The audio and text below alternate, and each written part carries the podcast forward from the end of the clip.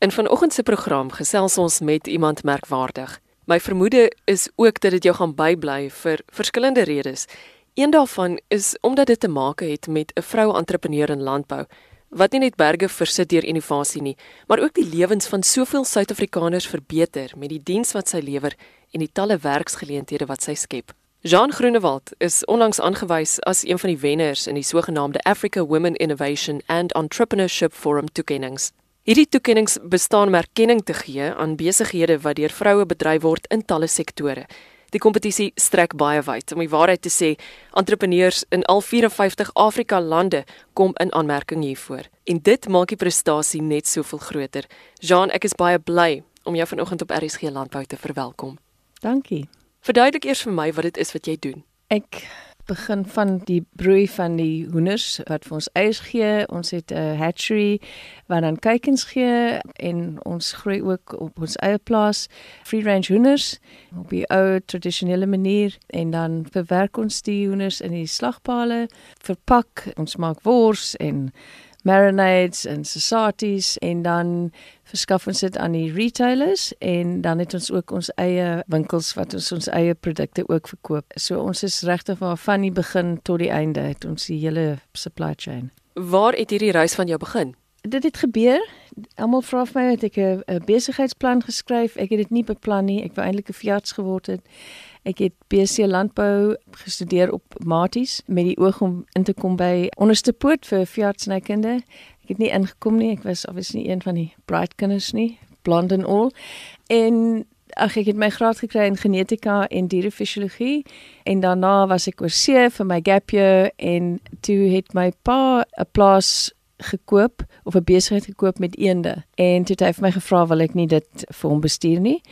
En toe het ek redelik baie dae gedoen slagpale gebou en toe ek trou het ek is ek daar weg en ek het gedink ek gaan net 'n boervrou wees en beskeid maak en konfyt van die vrugte van die plaas. En toe besluit ek ek gaan maar hoenders doen net vir ons eie gebruik in die huis en ek het net in my 8de jaar 'n um, paar hoenders gekoop en van my vriende het die hoenders geproe toe hulle kom vir etes en toe vra hulle o, oh, waar kry jy die hoender? Dit smaak soos die hoender in die ou dae.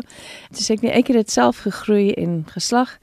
O, oh, as ek dit weer doen, kan ek vir hulle ook 10 doen en dit was 22 jaar gelede en so het dit gegroei van toe af maar my my passie is animal welfare en ook gesonde kos. So ek het dit alles gedoen op 'n manier waar ek gemaklik was dat dit nie oneties was nie. Jy's baie bekend vir die manier waarop jy jou personeel bestuur en ek weet bemagtiging is ook iets wat jou na in die hart lê. Ja, as ek nou vir mense mense vra oor so wat doen jy? Ek het begin met hoenders te boer en nou is ek 'n mamma van van meer as 600 mense vir wie ek aanstel. En ek dink dit was seker een van my grootste challenges is om met al die mense te werk en te verstaan want 'n mens is individueel en almal het verskillende behoeftes. So ek het so 3, 4 jaar terug besef dat as jy nie almal ken nie en tyd spandeer om uit te vind what drives people, wat is dit wat vir hulle gelukkig maak. Kan jy nie net 'n baas wees en sê do this, do that en almal moet luister nie. So ek het begin met tea and cake with mama. So elke dinsdagoggend het ek 10 mense gevat wat vir my werk en hulle het kom sit en ons het teen koek geëet en ek het drie vrae gevra. Vertel vir my iets van jouself wat niemand anders ken nie en ook jou medewerkers wat hulle ook nie ken nie. Ag en daar het wonderlike stories uitgekom en hartseer stories, maar dit was personalized en en so het jy jou mense begin leer ken. Dit was baie wonderlik om mense so te leer ken. Die tweede vraag was ag iets wat in die maatskappy gebeur het good bad or ugly en dan die laaste een was die vraag wat vir my probably the the most insight it gave me of hoe ek mense se lewens kon verander wat saam met my werk. En dit was wat is jou droom in die lewe? En van daardie was meeste van die mense se drome hulle wil of hulle eie education level verbeter of vir hulle kinders. Want hulle wil 'n beter lewe hê vir hulle kinders. So as hulle verder kan studeer of leer, kan hulle dalk vir hulle kinders 'n beter lewe gee En so het ons op die perseel 'n uh, skool begin. Uh, dit is nou nie eintlik 'n formele skool nie, ons noem dit 'n education center, maar ons is geregistreer met die Department of Education.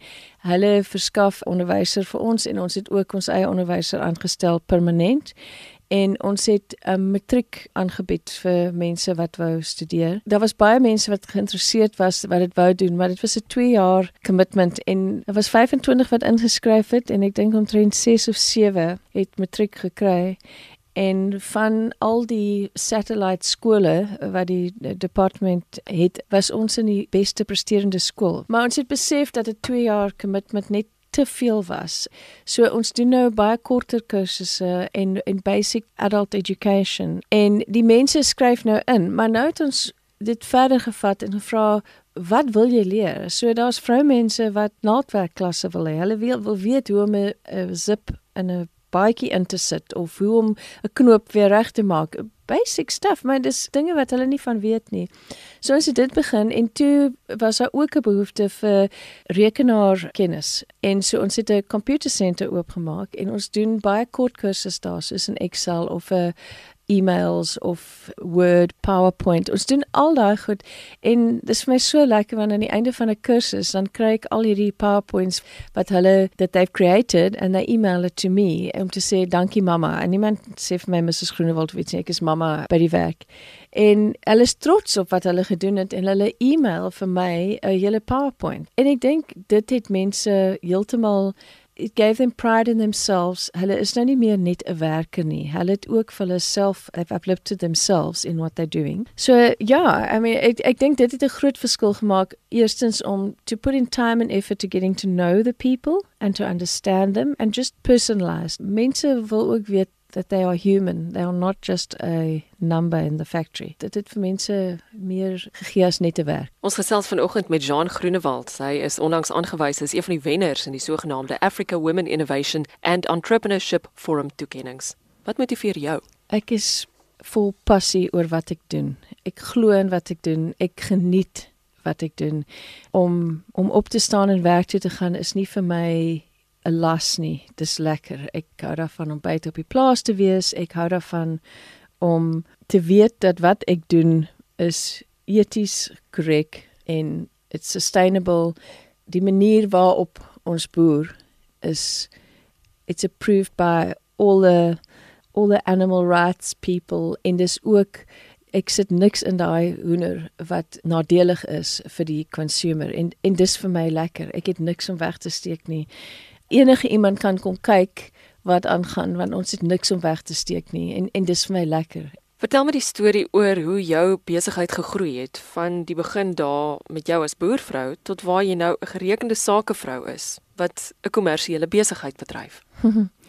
ja, dit was 22 jaar se groei. So dit het begin met regte waar 'n paar hoenders in die in die agterplaas en so het dit gegroei en gegroei en it grew by word of mouth en stadig het ek gegaan van huishoud tot huishoud afleweringe tot by die groter winkels. Toe moet ek my eie slagpale opsit. Ek het maar by 'n ander slagpale laat slag. Tussenin het ek kinders gehad en tussenin het ek ook geskei.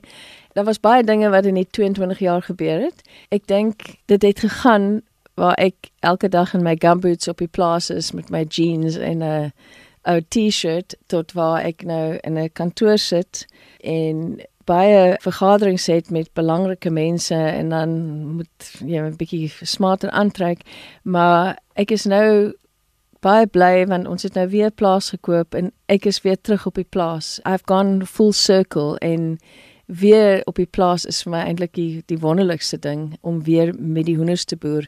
So ek het nou 'n wonderlike span wat meer die besigheidskant van die besigheid doen. En in die groei van plaasvrou tot besigheidsvrou, so baie lesse. Ek was baie moeg vir baie jare in in daai groei. Maar ek dink ek is nou op 'n punt waar ek het regtig wel fantastiese mense wat die wat die operations doen en ek kan soort van terugsit en doen wat vir my lekker is nou. Ons voel ons is die leiers in die mark van free range hoenders en toe ek 22 jaar gelede begin het, het ek net met heelhoenders begin en toe het baie mense gesê, "Ag, oh, maar kan jy nie iets anders doen nie of kan jy nie die hoender ontbeen nie?" En toe besluit ek wel kom ek probeer en so het ek die hoenders ontbeen en ek het I, I stuffed the chicken or I rolled the chicken en so dit gegroei.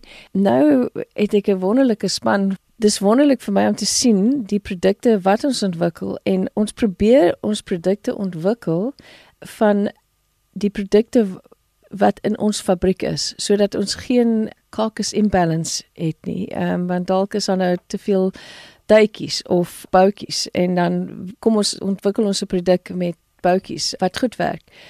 So daar's konstant ontwikkeling van produkte en ons probeer om ook met die met die trends by te bly. So is die nuwe trend Mexican of Italian of vertical. So dan sal my hele span in daai rigting gaan. Jean, wat is jou raad aan jong entrepreneurs? Ek word nogal baie daai vraag gevra. Eerstens, glo ek nie dat jy kan studeer om 'n entrepreneur te word nie. Jy word gebore is in jou bloed of jy wil 'n entrepreneur wees of nie. En dit is vir my baie belangrik dat mense dit besef. As jy voel ja, jy is nou iemand wat heeltyd opportunities sien en jy wil iets daarvan maak, is dit fantasties, maar begin klein en groei stadig. Daar's so baie jong mense deesdae wat vra, "Hoe kan ek ook 'n besigheid soos joune kry?" Ek sê ek wel, jy moet hard werk vir 22 jaar.